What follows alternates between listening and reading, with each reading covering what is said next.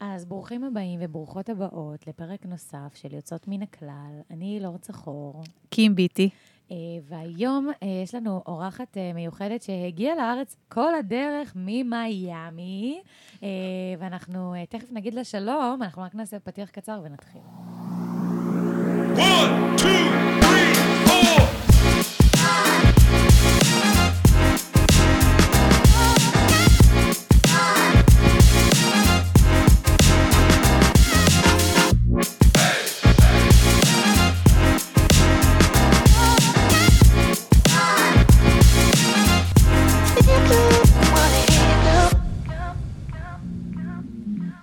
שלום לכם, אה, ואיזה כיף שאתם כאן איתנו.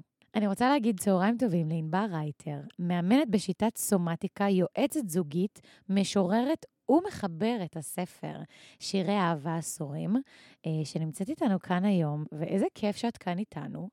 אה, אז קודם כל שלום. שלום, איזה כיף להיות כאן. תודה.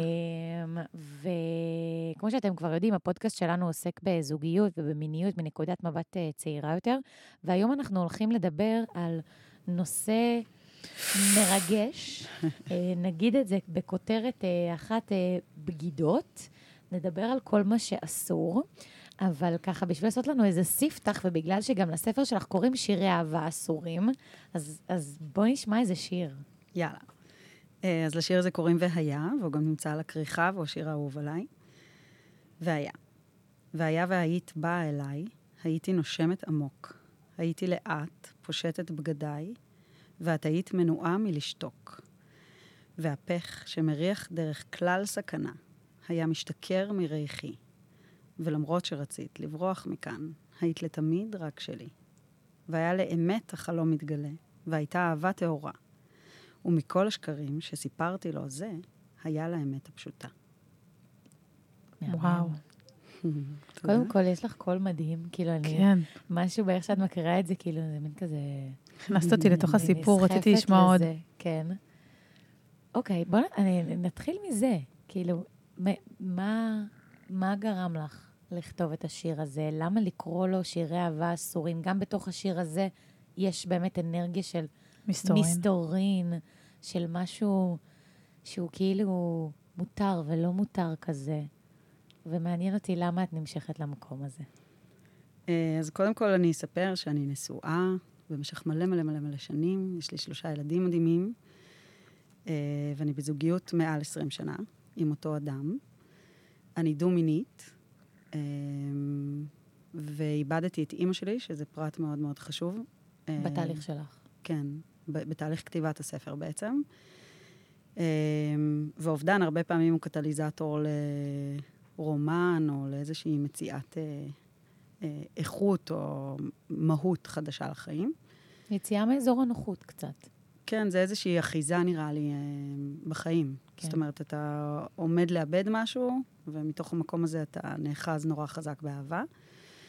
והתאהבתי בחברה שלי, חברה טובה שלי, שלצערי לא התאהבה בי בחזרה, לפחות לא רומנטית, או אולי גם לשמחתי. אה, ואז כתבתי את השירים האלה, שקצת כתבו את עצמם, האמת היא, לא, לא עשיתי יותר מדי, חוץ מלשבת ולהרגיש. זה הכי מדהים, שהיצירתיות פשוט מגיעה ככה, בלי מאמץ. Um, האמת היא שבכלל, יצירתיות ומיניות הם, הם, הם נביאה של אותו שורש. כן. אז uh, זה לא מפתיע בכלל. ואני חושבת גם שהיה לי קל לנתב את זה לתוך המקום הזה. Uh, אבל יחד עם זאת זה היה קשה ואסור ונורא ואיום, וכל uh, כל פעימת לב שהרגשתי בתוכי הרגישה כמו משהו שאסור להרגיש. Uh, בטח לא שנשואים באושר, ו... ויש משפחה מדהימה, ויש זוגיות מדהימה, ותקשורת מדהימה. ופתאום אה, מצאתי את עצמי אה, מסתירה, אפילו מעצמי, את מה שאני מרגישה, אה, עד שהפעימות האלה הפכו להיות תופים, והתופים אה, הפכו להיות אה, גונגים ממש חזקים, ולא יכולתי להתעלם יותר. ואז ככה חזרתי לנוטס של, ה...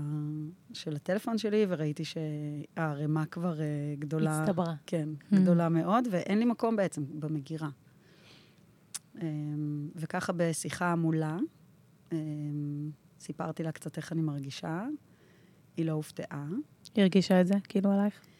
אה, אני חושבת שעבר בינינו איזשהו תדר אה, כן משמעותי. היה איזה אנרגיה כן. של חיבור שם. כן, יש לנו איזשהו חיבור קרמטי, אני חושבת, אה, חזק מאוד, שאצלי, בעקבות כנראה האובדן, התפתח למשהו שכבר גדל גם לכמיהה ולבקשה ולתשוקה נורא נורא גדולים, שהביטוי שלהם הוא בעצם בסוף רק בספר הזה, כי... כי זה לא התממש בפועל. זה לא התממש, לא. אה, אבל זה מאוד מאוד, אה, זה מאוד עזר לי להתמודד עם כל מה שעברתי, וזה הפך ליצירה שהיא בעצם אה, יצירת חיי. כלומר, תמיד כתבתי שירים ותמיד התעסקתי בשנים האחרונות במיניות, אבל אה, לא חשבתי אף פעם שאני אה, אעמוד כל כך חשוף מול כל העולם ו- ואספר את הסיפור שלי. וגם מתוך הקליניקה הבנתי שהנושא של הפודקאסט היום הוא, הוא בגידות, אז אה, שכולם באיזשהו מקום, כולם אולי זה הכללה גדולה מדי, אבל רובנו. רובנו, אה, מתמודדים בשלב זה או אחר בחיים עם אה, פזילה, אפשר לקרוא לזה, או עם אפשרות. הייתי קוראת לזה אולי התמודדות עם כאילו, עם החוויה הזאת של לעשות משהו אסור. כי יכול להיות שהאסור שלך הוא לא האסור שלי, והאסור שלי הוא לא האסור של קים, אבל ההתמודדות הזאת עם... כאילו, אני שומעת אותך מדברת, ואני באמת מאוד מזדהה גם מתוך מקום שלי, שאני בזוגיות המון שנים, ולפני ארבע שנים, אחרי, אה, לפני שלוש שנים, ארבע שנים, משהו כזה, אחרי שש שנים של זוגיות, פעם ראשונה פזלתי. כאילו, פעם ראשונה נכנס מישהו לחיים שלי, שתפס לי את התשומת לב, ובצורה שלא לא, לא חשבתי אי פעם שיכולה לקרות. והיה שם איזשהו חיבור מטורף ומיידי כזה, ומין תחושה כזאת שאני כבר מכירה את הבן אדם המון זמן, ולא עשיתי שום דבר שהוא נקרא אה, בגידה על הנייר. זאת אומרת, לא התנשקנו בשלב הזה, לא שכבנו, אחר כך עוד, אני, סוף סיפור, עוד נפרדתי מהבן זוג שלי, והייתי חייבת לחוות את הדבר הזה. אבל, אבל עוד הרבה לפני, רק מעצם זה שהעזתי להרגיש משהו כזה כלפי בן אדם אחר שהוא לא הבן אדם שאני חיה איתו בבית, זה היה אסור. ברור, יש, זה מתלווה לזה גם המון המון רגשות אשם, וזה בעצם כאילו אני לא נורמלית. כאילו, איך זה יכול להיות שבן אדם ה- האהוב שלי, שיש לי איתו כל כך הרבה, ויש לי איתו בית וילדים, או במקרה שלך אה, אה, כבר קילומטראז' ארוך של כמה שנים, אז איך זה יכול להיות שהלב אה, מרגיש משהו למישהו אחר, שהוא לא הבן זוג שלנו? אני בעיקר הרגשתי לא בסדר.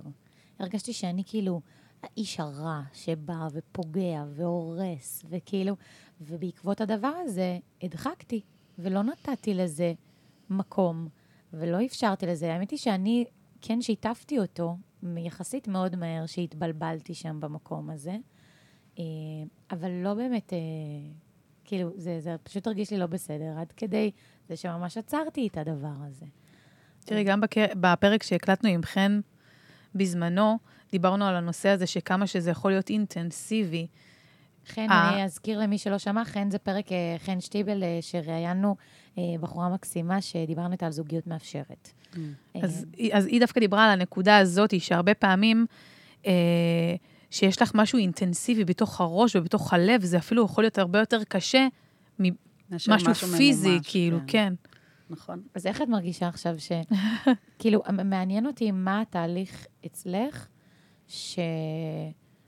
שעבר מאסור, אסור, אסור, אסור, אסור, ל... מה זה אסור? מותר הכל, וכל השירים שלי והכל, כל הקרביים שלי מותרים ו- ובחוץ לעיניכם, בבקשה.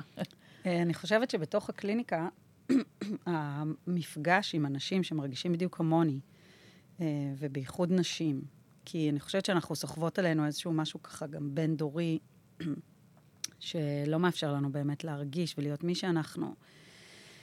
אה, אז המפגש עם עוד אישה ועוד אישה ועוד אישה, וגם גברים, אה, ההבנה שזה בעצם איזשהו משהו שקורה לכולם, ואני לא כל כך לא בסדר, ואני לא כל כך מוזרה, ואני לא כל כך אה, פושעת, כמו שחוויתי את עצמי, לאט לאט אפשר לי איזושהי יציאה לאור, וגם העבודת בושה שעשיתי. מה זה אומר? אה, בושה חיה בעיקר בחושך, זאת אומרת, רק בחושך. בושה זה מין משהו שאנחנו מתביישים בו לגבי עצמנו, לגבי משהו שעשינו, ואנחנו לא מספרים את זה בדרך כלל לאף אחד, ואז זה ממש גדל בתוכנו כמו איזה מפלצת. והאנטידוט לבושה הוא אור. מספיק אור מאוד מאוד קטן, זה יכול להיות שיחה עם חברה, זה יכול להיות שיתוף של בן הזוג, זה יכול להיות אה, אולי הרצאה, זאת אומרת, משהו שנוגע בנושא. שפותח דלת שם. בדיוק, ש, שבעצם מכניס אור לתוך החדר החשוך. ובעצם לעמוד מול במה ולהקריא את השירים ולספר את הסיפור, זה שיא האור שבעולם. זה ליטרלי לצאת לאור. זה, זה, לא, זה לא פתח קטן, זה כאילו... שברת 700 דלת. פנסים, כאילו. נכון, נכון. והסיבה ש... שעשיתי את זה, קודם כל היה כי אי אפשר היה שלא. אמ, כי בסוף אני... אני כמו כולם, ואני חושבת שאנחנו כולנו מתמודדים בדרך זו או אחרת, אפילו לאו דווקא עם המיניות שלנו, או הכמיהה שלנו לאחרים, זה יכול להיות גם לדברים מסוימים. זה יכול להיות משהו שאני נורא מתבייש בו, שאני עושה אותו, זה יכול להיות אפילו אוכל. כל מיני נשים נכון. שנמצאות בדיאטה, נכון? שעושות דיאטה, ו... ואז אסור לי לקחת את השוקולד, או אסור לי לאכול את הדבר הזה, וכל ה... אה, המערכת יחסים שלנו עם דברים אסורים, זו מערכת יחסים מאוד מורכבת. נכון, האמת היא שזה גם, אמ, אומרים כאילו מים גנובים עם טאקו, נכון? זה לא סתם, אנחנו כולנו בעצם נמשכים, מה שמזין, אני חושבת, רומנים בעיקר, אנחנו תכף נראה לי נגיע לזה להרצאה המדהימה של אסתר פרל, אה, שכתבה גם, לא יודעת איך קוראים לספר בעברית, אבל באנגלית קוראים לו Mating in Captivity. כן. אה, ספר מדהים מדהים שאני ממש ממש ממליצה עליו, והיא בעצם מספרת על הנטייה שלנו לרצות את מה שאסור. אמ, ואת מה ש... זאת אומרת, מה שמזין את הדבר האסור זה זה שהוא בלתי מושג. כן. אז התשוקה חיה מתוך המקום של אה, משהו שאני לא יכולה באמת להשיג אותו עד הסוף. שאני יכולה להזדהות עם זה סופר, כי אני כבר אה, המון המון זמן בתוך הסיפור הזה. האסור הזה יכול לבוא מכל מיני כיוונים. זאת אומרת, זה יכול להיות ממקום שכמו שאת אומרת, אני רוצה להשיג משהו ואני לא יכולה להשיג אותו. אני, בחוויה שלי, האסור מגיע ממקום אחר. זאת אומרת, אצלי בבית שאני גדלתי, לא היה ממש שיח על מיניות, והמיניות, כשאני חוויתי אותה בתור נערה מחוץ לכותלי הבית, והייתי אה, מבלה עם בנים וכזה, זה היה כאילו בתפיסה שלי אסור. כן. זה, ואז זה היה הרגוש, כאילו, שנתן לי את זה, בגלל שזה היה אסור בתוך התפיסת בית שלי. יותר מאוחר, ובזכות טיפול, הגעתי גם להבנה שבתוך המערכת יחסים שלי, עם הבן זוג שלי, בגלל שהוא מהווה כל כך בית עבורי, מהמם. לאט-לאט המקום של המיניות, אחרי שהריגוש כאילו עבר, וההורמונים וההתערבות והכל, המקום של המיניות הלך ונעלם. למה? כי בתפיסת הבית שלי אין מיניות. אין מיניות, אסור. כן. אבל מחוץ לכותלי הבית, שם זה מרגש, שם זה מותר. ואני כאילו במלחמה שלי, כאילו, זה להכניס את הדבר האסור הזה לתוך הבית. לתוך הבית, ולאפשר לריגוש הזה לקרות שמה. כי שמה אסור לי לעשות את זה, לכן אני עושה את זה, ובתוך הבית אסור לי, אז כאילו... קיצר, זה כזה אה, מבולגן, אבל הבנתם מה אני. אומרת. כן, אבל אפשר לפתור את זה. אפשר uh, לעשות uh, משחקי תפקידים, לדוגמה. Um, מעניין, זה כאילו קטע לא עושה לי איזה משחקי תפקידים, אולי זה סתם איזה פחד שלי. זה מביך, קצת. כאילו, אני, בא לי כזה יותר להיות אני בסיטואציה. את יכולה להיות את, תראי, קודם כל, יש לנו מוח אירוטי ומוח רגיל. כן, אז בוא נסביר מה. ההבדל. אוקיי. כשאני במוח הרגיל שלי, אני בעצם במה שנקרא מוח הישרדות שלי. אז המוח כל הזמן מחפש סימנים לסכנה. אה, והוא רוצה לשמור עליי בראש ובראשונה על ה-well-being שלי, הגופני שלי. וכשאני מזהה, כל, אצל כל בן אדם המפה היא טיפה שונה, אבל כשאני מזהה דברים שהם אירוטיים, זה יכול להיות ספר בצבע אדום, זה יכול להיות יין בצבע לבן, זה יכול להיות ג'קט בצבע צהוב, כן? כל אחד ומה שעושה לו את זה. בדיוק. כל אחד בעצם מה שנרשם בתת המודע שלו בפעמים הראשונות כשהוא היה מגורה מינית. Mm. וזה יכול להיות באמת כל דבר, זה יכול להיות גם uh, בתוך טראומה מינית גם. מה שהיה סובב, זאת אומרת, מה שהיה סביבי בחדר, בזמן שנפגעתי מינית, יסמן למוח שאנחנו הולכים לתוך מקום מיני, או לתוך מקום מסוכן מינית. זאת אומרת, יש, יש uh, קשת של הדבר הזה. ואז כשאני, בעצם המוח אומר, אוקיי, יש מצב. זאת אומרת, יש לי עכשיו אה, ספר אדום, יין לבן וג'קט צהוב, יש לי מצב היום למיניות. או ממש עוד רגע, ואז בעצם הוא מחליף ככה אה, אה, הילוך, והמוח האירוטי שלנו עובר קדימה.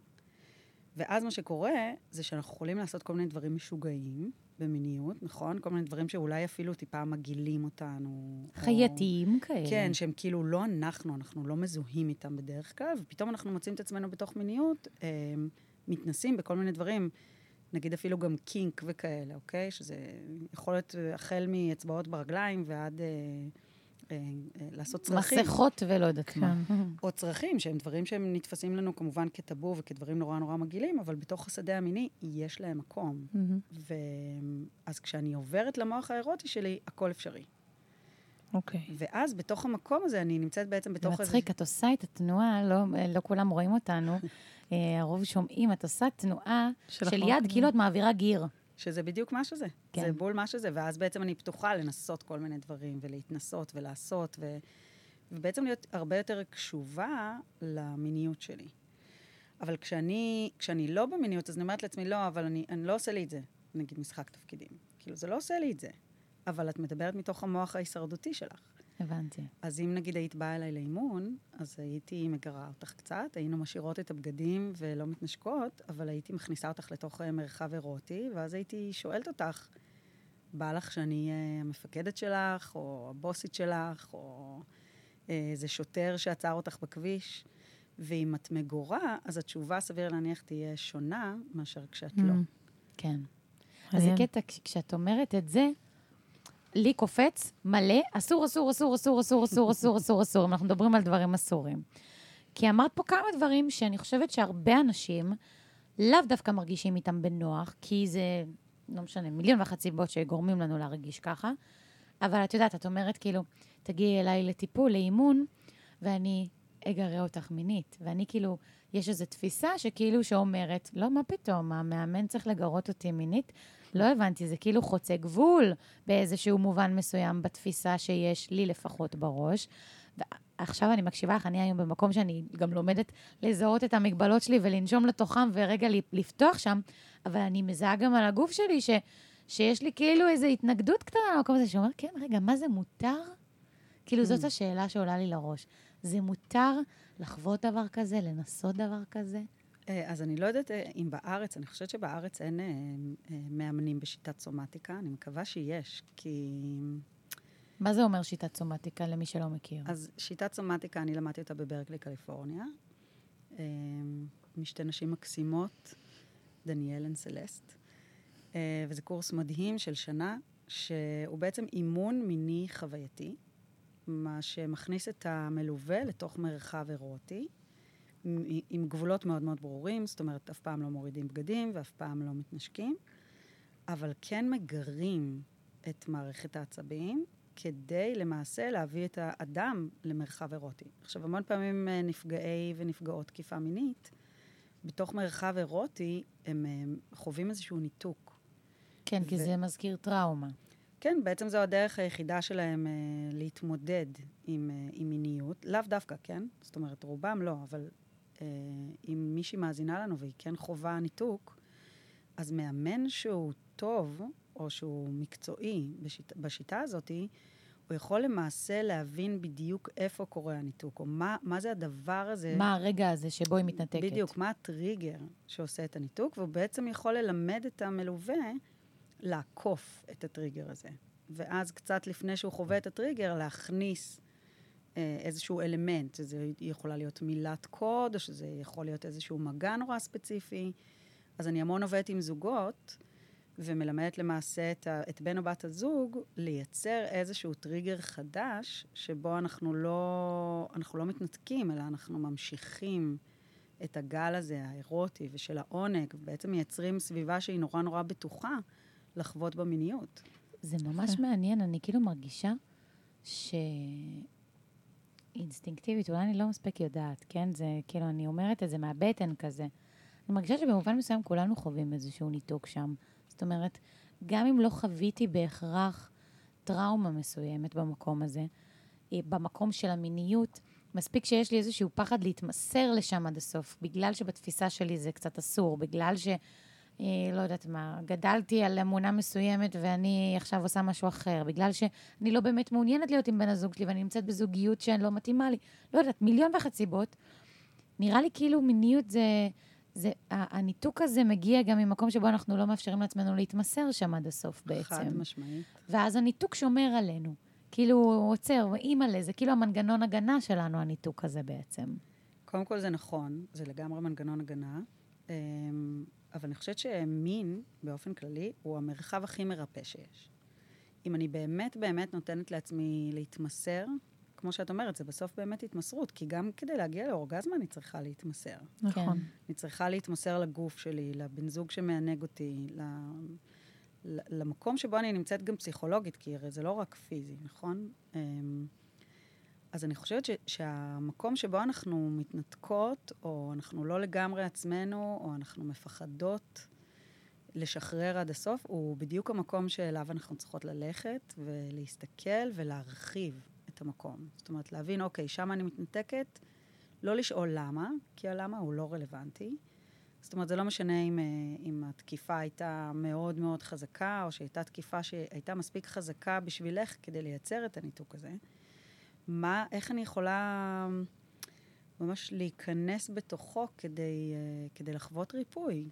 זה מעניין, בדיוק ראיתי סרטון באינסטגרם, שממש תפס אותי, שהיא אומרת שם, היא מדברת על כל מיני סוגי רגשות, והיא אומרת, כל רגש, מה המכוון שלו, מה האינדיקציה שהוא נותן. והיא מדברת על פחד, ופחד זה משהו שמאוד משפיע עלינו בחיים, והיא אומרת, פחד זה אינדיקציה למקומות שבהם עוד אנחנו צריכים לעשות עבודה ולהתפתח בהם. וזה באמת מעניין להסתכל על זה ככה, כי אני בחוויה שלי, באמת הרבה פעמים מפחדת להתמסר במקום הזה, וכשראיתי את זה, אמרתי לעצמי, אוקיי, רגע, שנייה, כאילו, ת, ת, תרפי שנייה, הכל טוב. הפחד הוא רק אינדיקטור למקום שבו את יכולה להמשיך להתפתח שם, ולא מקום, ולא משהו שכאילו אמור לשתק אותי ו- ולהחזיק אותי אה, עוד יותר אחורה בהקשר הזה. אה, אני רוצה לחז... לחזור, לחזור רגע רגע. לסיפור, לחזור רגע לסיפור שלך, כי בעיניי יש שני דברים שמאוד מעניינים בסיפור שלך. גם, אחד מסקרן אותי להבין, בתור מישהי שגם קצת חוותה את זה, אבל את אפילו עוד יותר, היית- את עדיין בזוגיות, ופתאום משהו כזה קורה בזמן שאת נשואה, ואיך בעלך הגיב במקום הזה, ואיך מתמודדים עם הדבר הזה. ויש איזשהו רובד נוסף בסיפור שלך, אני חושבת. כי זה לא שנדלקת על גבר, נדלקת על אישה. נכון. ובתפיסה שלי, יש לזה כאילו, זה כאילו עוד רובד של מורכבות לסיפור. כי אולי, אני לא יודעת, אולי זה מקל על העניינים, או אולי זה מקשה על העניינים, אבל זה גם משהו שהוא שונה. זאת אומרת, אולי נשים אחרות יכולות להרגיש שהן נדלקות על גבר, אבל לא חוו אף פעם איזושהי הידלקות על אישה. וכאן יש פה את שני הרבדים. יש פה גם כאילו את הבגידה, את הבגידה הרגשית אולי, וגם את, ה, את המין השני שנכנס רגע לתמונה. והשאלה היא, איפה זה פגש אותך במקום הזה, במה מותר ומה אסור? כי אולי יש מאזינות ששומעות אותנו שמרגישות שאסור להן להיות עם אישה. נכון. אה, אז קודם כל זה בטבע שלי, ותמיד ידעתי את זה, אבל לא נתתי לזה מקום, כי אני חיה במערכת הטרוסקסואלית מונוגמית. מה זה אומר זה בטבע שלך וידעתי את זה ולא נתתי לזה מקום? אה, הייתה לי התנסות כבר עם אישה לפני המון המון שנים. אה, הבן זוג שלי ידע מזה. זו הייתה חוויה שהיא הייתה מאוד טראומטית בשבילי. היא הסתיימה בשברון לב גדול. וואו. אה, כן, ופשוט הכנסתי את זה לתוך איזה קופסה כזאת, ולא נגעתי בזה ולא הסתכלתי על זה, אבל זה מתישהו הרים את הראש. אני, אני בת 40, וזה זה נראה לי משהו שפשוט אה, קורה באמצע החיים. ואני מאמינה שאם זה היה גבר, זה היה הרבה יותר קשה בתוך הזוגיות שלי, כי הייתה מה שנקרא אה, קנאת הפין, וזה משהו שלגבר אה, מאוד מאוד קשה להתמודד איתו. אגו גברי. כן, בדיוק. כאילו, אם יש מישהו ש, שמתחרה, אז אין בכלל למה להתחרות. אז אני חושבת שלמזלי זו הייתה אישה, אה, או לפחות למזל הזוגיות שלי, כי אין תחרות ביולוגית. אז אה, המקום הזה, מהבחינה הזאת, היא הקנה הרבה שקט, וגם הסיפור הזה שזה לא ממומש. כן. למרות שאני חושבת שאפילו אם אנחנו כן היינו מממשות את זה, אני חושבת שעם התהליך שעברנו, אני ובן הזוג שלי, אה, אני חושבת שהוא היום היה הרבה יותר, זאת אומרת, מכיל ומקבל ומבין שבסופו של דבר אה, אין לו איך, אין, אין לו שליטה או אחיזה על הלב שלי. אני, אני כאילו מעניין אותי לדעת אם, בזמנו אז אמרת שגם הייתה לך התנסות עם אה, אישה, וסיפרת את זה לבן זוג שלך, אתם כבר ביחד המון שנים. ב, כאילו, היה איזשהו שלב שגם וקברת את זה בקופסה, ואז זה צף שוב בגיל 40. כשזה צף בגיל 40, זה באמת יצא ככה לידי ביטוי בספר? כלומר, חוץ מהבן זוג שלך, פתאום כולם ידעו את זה? אה, לא, זה היה תהליך מאוד ארוך, שהתחיל בגיל 30, ונראה לי שהשיא שלו כרגע הוא בגיל 40. אוקיי. אבל אני, אני ילידת שנות ה-80, ואני לא חושבת שהיו לנו כל כך הרבה הגדרות מיניות כמו שיש היום, ואני חושבת שאני רק נחשפתי ל... לאפשרות שאני גם וגם בגיל 30, ופתאום אמרתי, אה, אוקיי, אני, אני פאנסקשואל, אני נמשכת גם לגברים וגם לנשים, וכמו שקרה לך, אה, אילור, באמצע החיים, פתאום אה, ככה להכיר איזה מישהו שמרטיט לך אה, את הגוף או את הלב, אז קרה לי גם כבר, ובעצם הבנתי שאני יצור שנמשך לעוד מלא יצורים, ואני לא נמשכת רק לבעל שלי, וזה, זאת אומרת, זה איזושהי אשליה שנראה לי שכדאי שאנחנו ננפץ אותה, וכמה שיותר מהר. אנחנו נמשכים למלא אנשים, כל הזמן. ההתמודדות שלי עם הדבר הזה חצתה את הגבול ברגע שהרגשות שלי כבר היו מאוד מאוד גדולים. ואני חושבת ששמה, אם נחזור רגע לנושא, שהוא בעצם אה, בגידה, למה אנשים בוגדים? כאילו יש איזושהי תיאוריה שאנשים בוגדים כי חסר להם משהו. אמ, אבל אני... אני- בגדול אני מאמינה שזה נכון, זאת אומרת, זה נובע מאיזשהו חסך. אם אני, לא יודעת מה, אה, מרגישה ש... אה, סתם, אני ממציאה. אבל אה, מרגישה שיחס אה, של אה, גברים עושה לי טוב, אוקיי? אז יכול להיות שאני אלך ואהיה עם יותר גברים, או או פלרטט עם יותר גברים, או יעשה משהו כזה, כי זה ממלא את הצורך, לא יודעת, ממלא את הצורך הזה שלי, זאת אומרת, זה חסך וצורך. אבל אם אני אדע לתת לעצמי את התשומת לב הזאת שאני זקוקה לה, אולי אני לא אחפש אותה כל כך מבחוץ. זו, זו תיאוריה מעניינת, ויכול להיות גם שהיא נכונה, אבל אה, אם הם מקשיבים לאסתר פרל, אז מה שהיא טוענת זה שבעצם אנחנו, מגיע איזשהו שלב בחיים, שאנחנו מחפשים איזשהו משהו בנו, בעצמנו, שהלך לאיבוד בתוך הזוגיות. זאת אומרת, איזשהו משהו שוויתרנו עליו. זה יכול להיות גם לאו דווקא מיניות, זה יכול להיות איזשהו מקום שהבן זוג שלך הוא לא איש של מילים, לצורך העניין. ואת בן אדם שנורא נורא מעריך מילים, ונורא צריך מילים, כי שפת האהבה שלך היא מילים. אבל uh, יש לו כל כך הרבה מעלות אחרות, ש... שוויתרת על משהו שהוא נורא חשוב לך ברמה הנשמתית, ברמה הממש נפשית. אבל עשית איזשהו ויתור, כי, כי בכל זאת, החיים בסוף uh, כן מלאים בפשרות כאלה ואחרות. בבחירות. ב- נכון, בבחירות שהן הרבה פעמים תוצאה של אה, פשרות על הדברים שחשובים לנו. כן, נכון, אני פשוט... את צודקת. אני חושבת שהרבה מאיתנו מתפשרים, ואני כאילו לומדת בחיים ל... לעשות. איזשהו שינוי, כן, להפוך את זה. לדייק. ול, ולהפוך את זה לבחירה. וכשאני בוחרת משהו, בהכרח אני מוותרת על משהו אחר, אי אפשר את הכל. אבל כשאני עושה את זה מתוך בחירה, אני לא מסתובבת בתחושה שהתפשרתי על משהו. נכון. אלא הכוח בידיים שלי בהקשר הזה. נכון, אבל הרבה פעמים אנשים עושים את זה בצורה בלתי מודעת. זאת נכון. אומרת, עושים איזשהו אה, סך אה, כל החלקים, ואומרים, אוקיי, זה איש שאני רואה את עצמי, בונה איתו משפחה, הוא יציב, הוא חכם, הוא מצחיק אותי. בסדר, הוא לא איש של מילים, אז מה? כן. אבל אז מגיע איזשהו רגע, שפתאום אה, את יושבת בבית קפה, ופוגשת איזה, לא יודעת, מישהו שהוא אשף במילים, ואת שואלת אותו מה הוא עושה, והוא אומר לך שהוא כותב ספר, ואת מתעניינת בספר. ואת, כל כל הרדארים. הצ'קות נפתחות.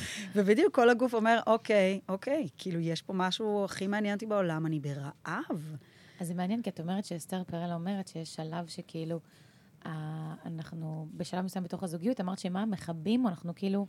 אה. אנחנו, אנחנו מתרחקים מעצמנו. מחלקים מסוימים בנו, אבל זה. גם עניין של חוסר באיזשהו מקום. אולי זה לא חוסר בבן זוג, כמו שזה חוסר שלי בתוך המרחב הזוגי. בדיוק. כן, זה מה שאני אומרת, שזה בדיוק. כאילו מרגיש לי שאני הרבה יותר כנראה מתרחקת מעצמי במקומות האלה, מאשר שאני מתרחקת מהבן זוג. כאילו, הבן זוג זה ההשלכה של הדבר הזה. זה כנראה סגרתי איזושהי דלת על חלקים מסוימים בתוכי, בתוך התא זוגיות, כאילו. נכון, והרבה פעמים בשביל להיות בזוגיות, אנחנו עושים את הדבר הזה. עכשיו, אני אתן אה, דוגמה שהיא היא לא קיצונית בכלל, אבל נגיד יש זוגות שאחד מבני הזוג נורא אוהב לצפות בפורנו, נגיד. אבל זה נורא נורא מפריע לבן הזוג השני שלו. אז אה, בואו נתאר איזושהי סיטואציה שבה אה, הגבר נכנס לחדר ורואה את האישה שלו צופה בפורנו, והוא כולו אה, נבהל ו... ו- ו- וזורק את הכלים. מזועזע. מזועזע עד עמקי נשמתו, ואומר, סליחה, לא בבית שלי, אני כאילו, את רוצה סקס, אני אתן לך, אני, אני לא מוכן שתצפי בפורנו. אז היא כמובן באותו רגע בולעת איזושהי גלולה של בושה, ששוב, היא לא תגלה בפעם הבאה שיעלה לה צורך אה, לצפות בפורנו, היא תגיד, זה נורא נורא פוגע בבן הזוג שלי, ואני נורא נורא אוהבת אותו, אז אני לא אעשה את זה יותר. אגב, זאת אופציה א' בעיניי. אבל- האופציה השנייה היא להסתיר, ל- לעשות את זה ולהסתיר. כן, או אופציה ג' נקרא לזה, שהיא אופציה שהייתי מאחלת לכולן להיות בה. לצפות ביחד. כן, אבל יותר מזה, זה להגיד, אוקיי, אם זה מפריע לך וזה כואב לך, אני מבינה, יש לזה מקום. השאלה היא למה זה כואב לך ומפריע לך, כי כנראה שזה יושב לא על איזשהו משהו שלו. ולי מותר, אם זה עושה לי כיף, ליהנות מהדבר הזה. ואם זה כואב לך במקום הזה, אז לא מתוך מקום של להכניס לו את זה לפרצוף ואני אעשה לך דווקא. בוא ניתן לקושי הזה מקום. בוא נבין למה זה קשה לך שאני יושבת וצופה בפורנו. אבל לפעמים בן אדם לא יבוא ויתחיל להעמיק איתך. אה, קשה לי שמחפיצים נשים, נו, זהו, זאת אז הנקודה, אז ואין... היום אין- אני, אני מרגישה שאני רוצה להיות בזוגיות, כאילו, עם בן אדם כזה. זאת אומרת שמבחינתי... שהוא פתוח למשא ומתן. שהוא פתוח ללקחת אחריות על הפצעים שלו. כי מה שכואב לי, כי אם אני, נ- נגיד את זה הפוך, אם לי מפריע שלבן הזוג, שבן הזוג שלי רואה פורנו, אז השאלה שאני אשאל את עצמי זה, למה זה מפריע לי? אם זה עושה לו טוב וזה נעים לו, ו- ובסיכום של, לצורך העניין, כאילו, נגיד הקו שלי זה בגידה, אוקיי? אבל אה, בגידה זה אומר אה, ללכת אה, להתנשק, לשכב, או לנהל מערכת יחסים זהו, קרובה עם בדיוק. מישהי. אז יפה, יכול להיות שבשבילו זה בגידה. יכול להיות שזה שאת צופה עכשיו בזוג גבר- גבר ואישה או זוג נשים או וואטאבר, זה מבחינתו בגידה. אין בעיה, אז השאלה היא אם מתנהלת שיח שם. אם מתנהל שיח שם, ואני מבינה, והוא אומר לי, תקשיבי, זה מבחינתי איזשהו גבול, זה קו, זה בגידה מבחינתי, אז אפשר להגיע לאיזושהי הסכמה הדדית במקום הזה. אבל כשאין את ההסכמה ההדדית הזאת, וכשיש פשוט את הגבר שאומר, לי זה לא מתאים, ואז עושים את זה, לצורך העניין בחדר, והוא נכנס וזה, אז נכנס כל הבושה, ההסתרה, הכאב, הדברים האלה. ואני אומרת, לא, לרגשות האלה אין מקום, לא צריך שהם יהיו קיימים בכלל. שיחה בין בני הזוג, זה כאילו, אני נשמע, אני אומרת את זה כאילו זה, זה קל, אבל שיחה בין בני הזוג ו- ופתיחות במקום הזה, ו- ופגיעות בעיקר, כי זה לתת מקום להמון פצעים וכאבים אחד של השני, יכולה לפתור את העניין הזה, ואז לא צריך את הבושה. אני מסכימה איתך מאוד, אבל זה סופר סופר מתקדם ונאור, ו- ולצערי כחברה אנחנו עוד לא שמה. את צודקת, נכון. כן? אם מישהו אה, פגוע ממשהו שמישהו אחר עושה, זה בהכרח שלו. שלו ורק שלו. כן. אבל מה שקורה ב-99% ממערכות היחסים זה שאנחנו פשוט לומדים לכבות, להנמיך. אגב, לאו דווקא אפילו לטפל, לאו דווקא להבין על איזה צורך זה יושב, או... עכשיו, זה לא רק פורנו, אני נתתי דוגמה של פורנו, לא, אבל זה יכול להיות סתם עם כל דוגמה דבר. קלה כן. לזה, אבל ברור. זה יכול להיות ממש עם כל דבר, זה יכול להיות אפילו עם, עם, ה, עם ה... לא יודעת. מה את לובשת? כן, בדיוק. זה, אני, בא לי להתלבש חשוף, והבן זוג שלי לא מוכן שאני אתלבש חשוף, אז אני, אז אני מוותרת על המקום הזה, על הביטוי העצמי שלי, של כן. המיניות שלי, בשביל להיות בזוגיות. כן, יש אנשים שבכלל לא נכנסים לשיח הזה, את כל כך עמוקה, ואת כל כך עושה עם עצמך עבודה, ואת נמצאת גם בזוגיות של בן אדם שרוצה לעשות עבודה, אז אתם נכנסים למקומות האלה. אבל יש הרבה גברים ונשים סביבנו שהבן זוג אמר לו, אז זה לא, זהו, אין כאילו... אז מבחינתי, אני כאילו, מהמקום הזה חשוב לי לתת לזה קול, כדי... ל- לעורר. ל- כן, ממקום של כאילו להגיד, רגע, שנייה, לי זה עובד הדבר הזה, לי זה פתאום פתח לי עולם, זה הקל עליי. פתאום כשכאילו, ביום שבו אני הרגשתי שאין אחריות, דיברנו על זה, גם בדיוק סיימנו פרק שגם דיברנו על זה קצת, הפרק הקודם, וכאילו, אה, ביום שבו הבנתי שאת הכל אני מייצרת לעצמי, והכל מתחיל ונגמר בי, גם המיניות וגם באופן כללי בחיים. זה הקל עליי, זה הוריד ממני משקל עצום. כי פתאום, אם הכל באחריותי, אז אני גם יכולה לשנות את הדברים האלה. שזה מדהים אני גם שאת יכולה בגילך לעשות הבנת את זה. אחרת. אני גם יכולה לעשות אחרת, ואני אומרת, כאילו, במקום הזה, בגלל זה כל כך חשוב לי לדבר על זה, כי אני כאילו מרגישה שאני אומרת, אוקיי, אם יש זוג או מישהי ששומעת אותנו עכשיו, והיא נמצאת בזוגיות שמפריע לה, נגיד את זה הפוך, כי אנחנו מדברים על לקיחת אחריות אישית, מפריע לה שבן הזוג שלה מביא ביד ורואה פורנו. מפריע לה, כואב לה שמה, זה מציף אותה באיזושהי צורה. לא יודעת למה זה, כאילו, תנסה לברר עם עצמה לפני שהיא משליכה, כאילו. כן, לפני שהיא מסתכלת עליו ואומרת לו, אל תעשה, ותכעס עליו, ותביא לריב, ולא יודעת מה, ו- ותייצר את החיכוך הזה, שתעצור ותגיד, רגע, למה זה מפריע לי? ותשאל את הדבר הזה פנימה. כי מבחינתה זה משהו שהוא מאוד, אם חוזרים לבגידות או האיסורים, זה מבחינתה בתפיסה שלה כנראה משהו שהוא מאוד אסור. עכשיו, יכול להיות שהיא תעשה את התהליך עם עצמה, והיא תבין שזה באמת משהו שזה הגבול שלה, והיא לא רוצה, והיא או שתדבר עם בן זוג והוא יקבל את זה, או שלא יתאים ותמצא זוגיות אחרת. יש מיליון אופציות, אבל החקר הראשוני חייב להיות איזשהו שיח פנימי שלי ללמה בכלל אני מרגישה שהדבר הזה אסור מבחינתי. נכון. ובסוף אני חושבת שהעיסוק בזה, או האי-עיסוק בזה, בסוף זה מה ש... זה השורש, בסופו של דבר, של הבגידה. כן. כי אז אם אני מוותר על משהו שהוא נורא מהותי לי, או הוא, מגרה אותי, בסוף אנחנו הרי החיים עשויים מ... חיים חזקים מאיתנו. אבל מה זה החיים בסוף? מה זה אנרגיית החיים? החיים בסוף, כולנו כאן, כי מישהו קיבל אורגזמה. לפחות מישהו אחד. נכון. לגמרי, בדוק. אז מישהו כאילו- אחד בהכרח. כן. חייב תמיד שהצד הגברי יקבל אורגזמה נכון. כדי שנהיה פה. בדיוק. אז כאילו, אנחנו תוצר בסוף של אורגזמה. אז, אז אנחנו צריכים להיות מאוד מאוד קשובים למה מעורר אותנו, ומה עושה לנו את זה. ואצל מישהו זה פורנו, ואצל מישהו אחר זה, זה מחשוף פתוח, ואצל מישהו אחר זה החופש להיות אה, אנחנו בכל מיני צבעים וצורות. ואנחנו, אני חושבת שכדי באמת לייצר זוגיות טובה, שאגב, היא לאו דווקא אומרת שלא יהיו בה בגידות. אני באמת יכולה להגיד על עצמי אה, שהבגידה הרגשית, לצורך העניין, התרחשה מתוך מקום שאני לא הייתי ערה אליו, או לא הייתי בשלום איתו מספיק, ולכן אה, פגשתי את הדמות הזאת בחיים שלי. אני לא חושבת שזה יקרה לי עוד הפעם, אבל אני גם אין לי גרנטי. נכון. אגב, הבן זוג שלך ראה את זה כבגידה? הוא וואו, הגדיר את זה כ-. כבגידה? אמ, בהתחלה שלא סיפרתי לו, אז כן, זאת אומרת, לקח לי כמה חודשים לספר לו. והוא אמר שהמרכיב של הבגידה היה זה שלא סיפרתי לו. אבל- האמון, הפגיעה כן. באמון, כאילו. אבל- ההסתרה, שהיה ההסתרה. משהו שעבר עלייך, כן, ולא ולא לא שיתפת. שיתפתי אותו. אבל אני אמרתי לו, אני לא הייתי מסוגלת לשתף אותך. זאת אומרת, אם הייתי משתפת אותך בגונג, ככה הראשון שקרה, אני, אני לא הייתי יכולה לאבד את זה מולך ואיתך. אני הייתי צריכה את הזמן, ואני הייתי, הייתי בתוך בור של אבל, ו, והייתי צריכה רגע להכיר את הבור אה, לבד. גם, גם אסתר פרל, שוב, חוזרת לתוך המקום הזה שאנחנו נורא צריכים בתוך זוגיות אה, לטפח איזשהו גן שהוא הגן האישי שלנו. וזה היה מקום שהוא היה רק שלי, לא הייתה לו כניסה לתוך המקום הזה. והיום. היום יש לו, והיום הוא, הוא זה שמנחם אותי שזה לא ממומש, והוא הוא כל הזמן אומר שהוא אוהב את זה שהלב שלי פועם חזק, ואת זה שאני מתרגשת, ושזו אחת הסיבות שהוא נורא נורא אוהב אותי. וואי, איזה גבר. זה לא מובן מאליו. ממש מאוד. לא. כי, כי עזבי גבר או אישה, בבגידה, שורה תחתונה זה בסוף הרבה פעמים בגידה באימון, או בגידה ב... ב באמת, את אומרת, ההסתרה שכאבה במקום הזה, כאבה לו. היכולת האמיתית במקום הזה היא גם לסלוח ולראות את הבן אדם בצד השני שבגד, ולהבין, את יודעת, גם את היית מאוד כנה ו- ושיתפת אותו במקום הזה, אבל לראות את הכאב שלך ולה- ולהבין שיש לו לגיטימציה ויש לו מקום, ושזה לא בא על חשבונו. גם, אבל אני חייבת לציין שיכול להיות שאם הייתי חוצה את הגבול, זאת אומרת, mm-hmm. הבגידה הזאת היא מאוד uh, נמצאת בתוך הגבולות המותרים כביכול, של כן. היחסים שלנו. הבנתי.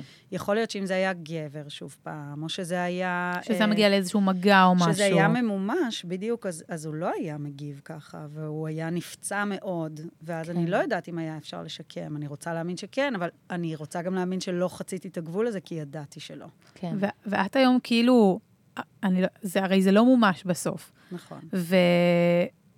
ובסוף, כאילו.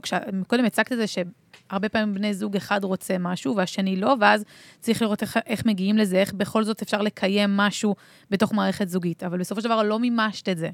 אז איך את מרגישה היום בתוך הזוגיות שלך, כשיש משהו שאת יודעת שאת אה, נמשכת, רוצה, ו- ואת לא מממשת?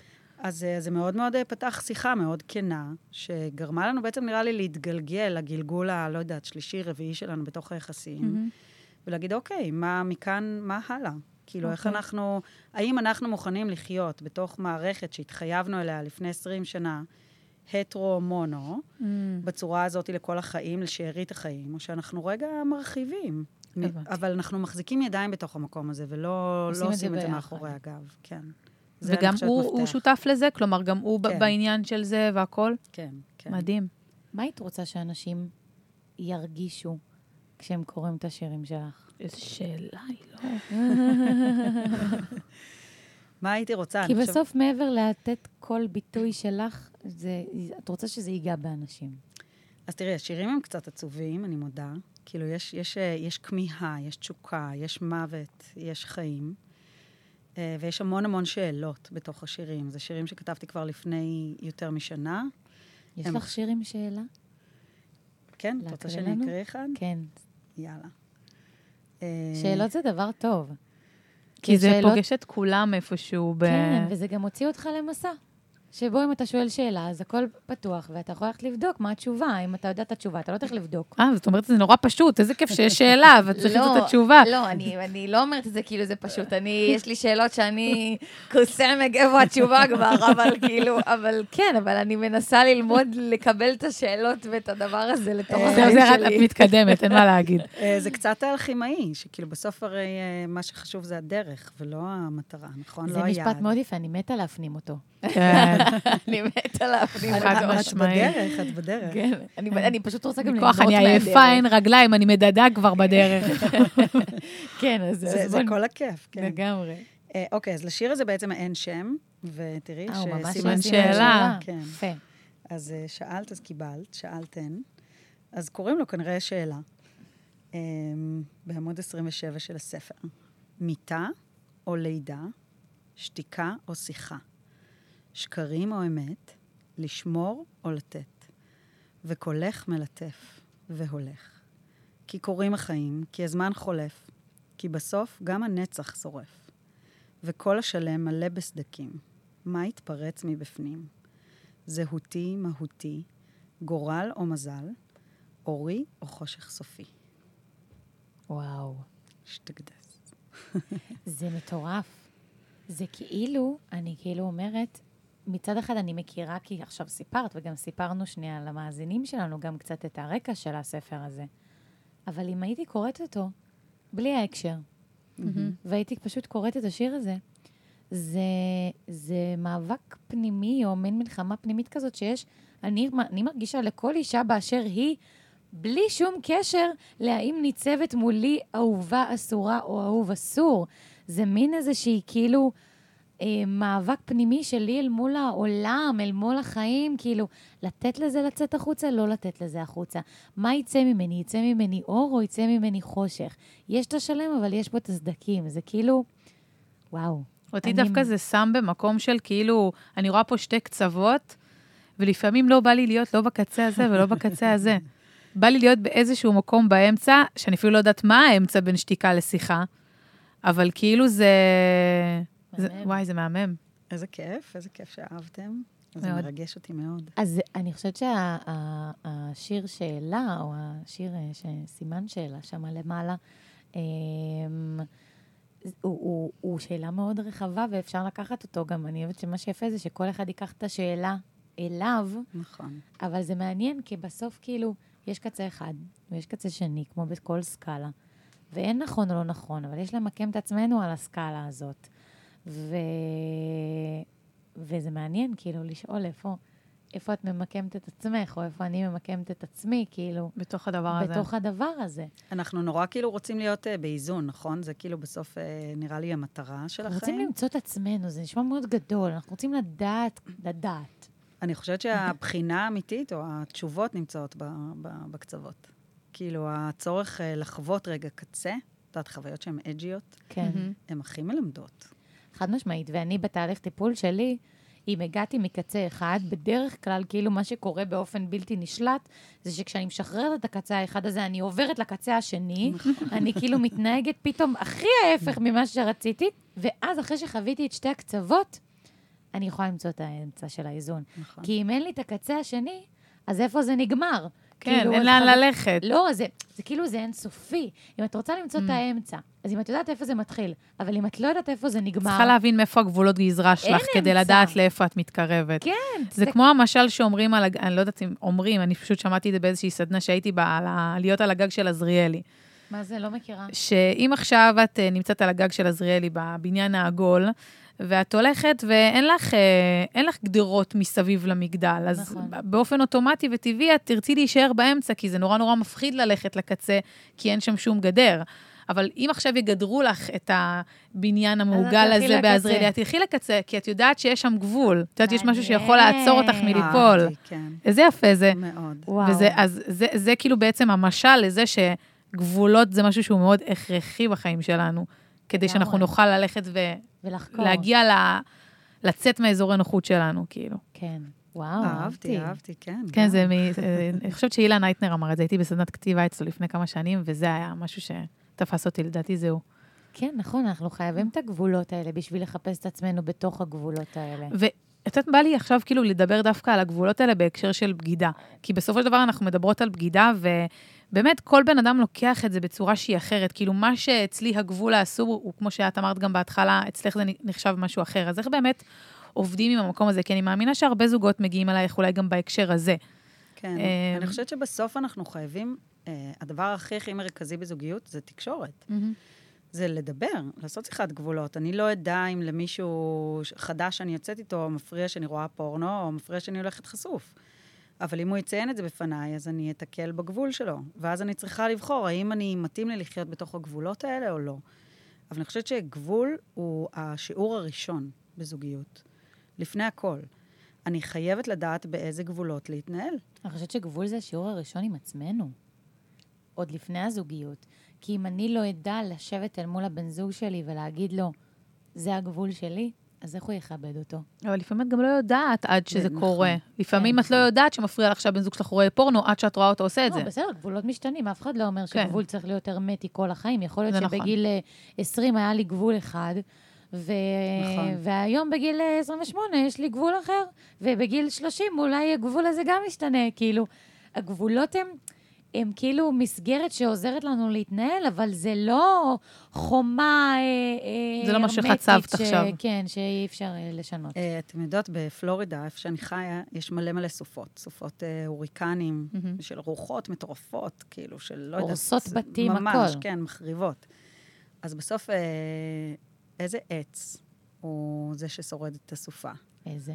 זה לא החזק, זה הגמיש. נכון. זה זה שיכול אה, לעוף אחורה וקדימה, ובעצם לעמוד ברוחות. וזה נראה לי גם ככה החיים. אם אני בן אדם שהוא נורא נורא יפה. נוקשה, והגבולות שלי הם נורא אדומים, והם נורא חדים. מרובעים, ו- ו- ואני, אז, אז אני, אני עובדת עם, עם זוג עכשיו שהאישה התאהבה במישהו, וגם, לא קרה שום דבר, אבל רק היא, היא התאהבה, ולא, גם כן, לא מימשה. לא מומשה.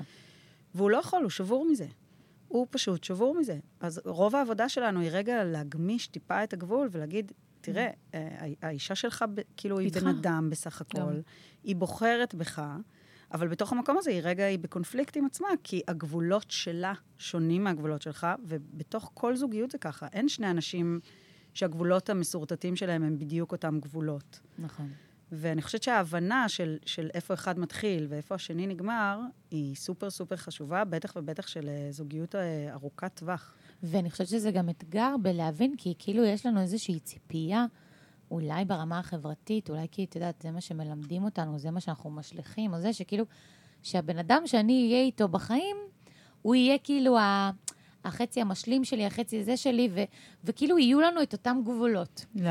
ו- ואותם אבל- ערכים. ואותם ערכים, אה, ו- כן. איפה הלכת, איפה חזרת? נכון, אבל הרבה, אבל הרבה בנות שאני מכירה שמחפשות זוגיות, וגם אני כשחיפשתי זוגיות, אמרתי לעצמי תמיד שאני רוצה בן אדם שיש לו את, ה, את, האמות, את, את הדרך חיים שבה אני מסתכלת על החיים. עכשיו, זה נכון בהרבה מובנים, אבל לפעמים אולי הם משליכים את זה קצת רחב מדי, ואז יש איזו ציפייה שהגבול שלי יהיה גם הגבול שלך, ופתאום אם אנחנו לא חולקים את אותו גבול, אז מה עושים? זהו, אבל עד- עד שאת נכנסת באמת למערכת יחסים כאילו זוגית שהיא ארוכת שנים, ואז את מבינה שהגבולות נוצרים תוך נכון. כדי התנועה. נכון, אבל גם אני צריכה לקבל את זה שהגבול שלי לא תמיד יהיה בהכרח הגבול של מישהו אחר. נכון. ואז נכנסת הגמישות של, רגע, כאילו, עד כמה אני בוחרת לקבל את זה, את הגבול הזה שלו, או לא לקבל את הגבול הזה שלו. נכון, גם פתאום אבל גם מבינים שגבולות ששמנו אותם, לצורך העניין, בגיל מאוד צעיר, הם היו מאוד הכרחיים כדי לבנות משפחה, כדי אולי mm-hmm. לקנות את הבית ולהבטיח איזושהי קרקע מאוד מאוד יציבה. וכמו ש... כמו שעכשיו עם הדוגמה עם עזריאלי, שבסוף אם אני, אם הגבולות מאוד ברורים, הם תחומים, אז אני יכולה עכשיו ללכת לגדר ו... וטיפה כאילו להציץ. להתרגש מה... כן. מזה שיש בניין אחר ליד. כן. כאילו, האם אני יכולה רגע להיות ציפור ולקפוץ לשם ולחזור? כאילו, אני- יכולה רגע לצאת לטיול מתוך הבית שלי ולחזור לבית שלי? יהיה משהו בבית שלי שאני אחזור אליו? ואני חושבת שהמון אנשים מוותרים אה, על עצמם, או על הטיולים שלהם, או ב- באמת על משהו נורא נורא אה, ככה ליבתי בתוכם, כדי להישאר, כדי לקדש בעצם את המוסד הזה, והמון פעמים הם, הם קצת מתים בתוך הזוגיות שלהם, כי אין שיחה. ואין בחינה, ואין טיולים. יש פשוט איזושהי השלמה עם זה שכאילו ככה נראים נישואים אחרי כל כך הרבה שנים. ואני חושבת שכאילו כולנו, אנחנו כבר באיזשהו דור אחר, אנחנו לא...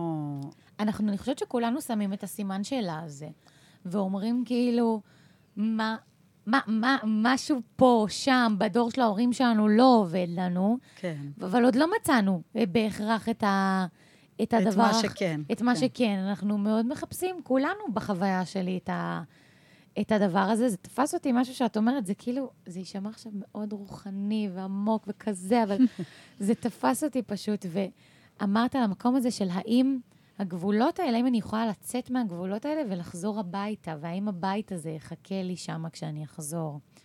ואני לפני שנה ומשהו עשיתי קעקוע ראשון, ועל היד, והקעקוע, המשפט שלו זה I am my own home.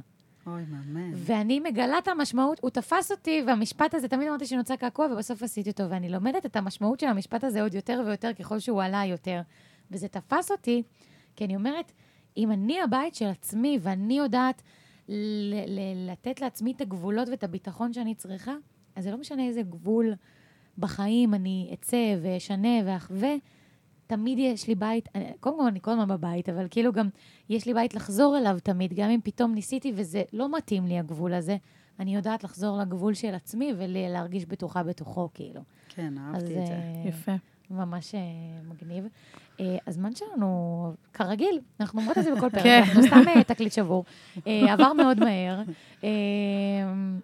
יש לך שיר לסיום בשבילנו? שיר סיום. בוא נעשה כזה ככה ופשוט נבחר אחד. כן, אתן בלי? להסתכל. בא לי לעשות אני כל לא. אלושה. יאללה, יאללה, בבקשה, בלי. להסתכל, על מה שאת עוצרת. קרמה של העולם. יאללה, קים. איזה עמוד? יצא? 32, שיר על אימא. שיר על אימא. יאללה, כבוד. את אוקיי. כבר בוכה. לא, לא, אני אוקיי. בסדר. אה, האמת שזה סיכום, אה, סיכום נאה, נראה לי. כן? יאללה. אז קוראים לו שיר על אימא, וכתבתי אותו שאימא שלי כבר, לדעתי, אה, לא הייתה כבר בעולם, שזה לפני כמעט שנתיים, ונפערה בי תהום, שעקרה מתוכי שלמותי, וחדלו מעופן ממרום, ציפורים שקראו לי ראי, וקהו החושים, ולא את, וערעור אדמתי המוחלט. הוא כאב מגדיר קיומי, ועולם מרוסק שאני. בבדידות חסרונך קשה, מות חייו של הרגע הזה, בדממת עולמים שנותרה, בזיכרון חומך שקבע. שיר עצוב, כן. ממש. כן. ועדיין לצד המוות אה, יש חיים, ו... והרבה מהם. את כתבת את ה... את הוצאת את הספר אחרי שאימא שלך נפטרה, נכון? כן, ממש עכשיו, לפני אה, שבועיים. את מרגישה שיש משהו במוות של אימא שלך שאפשר לך להוציא דברים אסורים מתוכך שלא העזת להוציא קודם לכן? בטח ובטח, ואני תוהה בשאלה הזאת המון, למה? למה רק עכשיו? כאילו, למה אימא שלי הייתה צריכה לעבור מהעולם? האם זה כדי להיות כדי מלאך שאת שומר, תוכלי לחיות לשמור עליי? בתוכו? כן. כאילו, היה לי קשה. את הקשר מדהים, מדהים, ממש. ובכל הפעמים שפגשתי אותה אחרי שהיא נפטרה, בכל מיני מדיטציות וכאלה שעשיתי, כל הזמן אמרתי לה, אימא, תגידי לי שאני בסדר. תגידי לי שאני בסדר, שיש לי רגשות למישהי אחרת שהיא לא הבן זוג שלי. והיא כזה ב- בראש שלי, היא רק הסתכלה עליי כזה והנהנה, ברור שבסדר. ואז הבנתי אחרי מספר פעמים לא מבוטל שפגשתי אותה, שהאישור היחיד שאני באמת באמת צריכה זה ממני. כן. ו... ואולי כל עוד היא הייתה בחיים, אה, לא יכלתי לתת אותו לעצמי, אבל עכשיו שאין לי אימא, אז אני האימא את שלי. חייבת כן, לתת אותו כן. לעצמך. ואני אני רוצה לתת אישור לכולם להיות מי שהם ולהרגיש שאנחנו יצורים רגישים, שמרגישים כל הזמן. זה שמה החיים. אני חושבת שזה. השורה התחתונה הכי יפה. זה פוגש אותי היום בתהליך שלי בצורה מדויקת ביותר, וזה בדיוק המקום הזה של להפסיק להמתין לאיזה אישור של מישהו, אמא, אבא בעיקר, כי אנחנו כולנו קשורים אה, להורים שלנו בצורה יוצאת דופן, כל אחד בדרכו. נכון. אה, ושמותר לנו אה, לחיות ולהתקיים ולפרוח ולזרוח ולהיות מי שאנחנו, גם כשההורים שלנו בחיים, נכון. אה, ופשוט ככה, מעצם היותנו. נכון, גם בתוך המילה אושר יש אישור. זה לא. סתם, וזה אגב רק בעברית, באנגלית אין את זה. אז אה, נכון. כל הכבוד ל- המפתח של האושר. אה, כן, בסוף באמת כל הכבוד לו. עברית שפה מדהימה. בסוף באמת המפתח של האושר נמצא באישור. והוא שלנו. באישור העצמי שלנו, לא. באישור החיצוני. כן. ברור, ברור, רק שלנו. ענבר, את מהממת. תודה. ברמות. אתן גם מהממות בעצמכם. ו- איפה, איפה אפשר למצוא אותך? קודם כל, כן. קישור לספר אנחנו נשים אה, כמובן אה, חד משמעית. בתיאור של הפודקאסט. אם מישהו אה, מעוניין לרכוש את הספר המיוחד הזה, אז אנחנו שמות לכם את הלינק. ומי שככה רוצה לפנות אלייך מעבר לזה, ושמע אותך ורוצה להגיע לטיפול, אמנם את במיאמי, אבל את מקבלת גם בזום. כן, כן, בכל אז- העולם. אז איך אפשר לפנות אלייך? אז ענבררייטר.קום, או באינסטגרם, שירי אהבה אסורים, או ענבר, עם חמישה R, ענבר, יפה. בדיוק. אה, ענבר, תודה רבה רבה. איזה כיף שזכינו לפגוש אותך כאן בביקורך בארץ, פנים מול פנים. אה, תודה שהזמנתן אותי, ממש ממש תודה. והלוואי שהספר הזה, שירי אהבה אסורים, יתיר קשרים אצל אה, המון אנשים. אמן, אמן, אמן. תודה. רבה לכן, חמודות. תודה. רבה.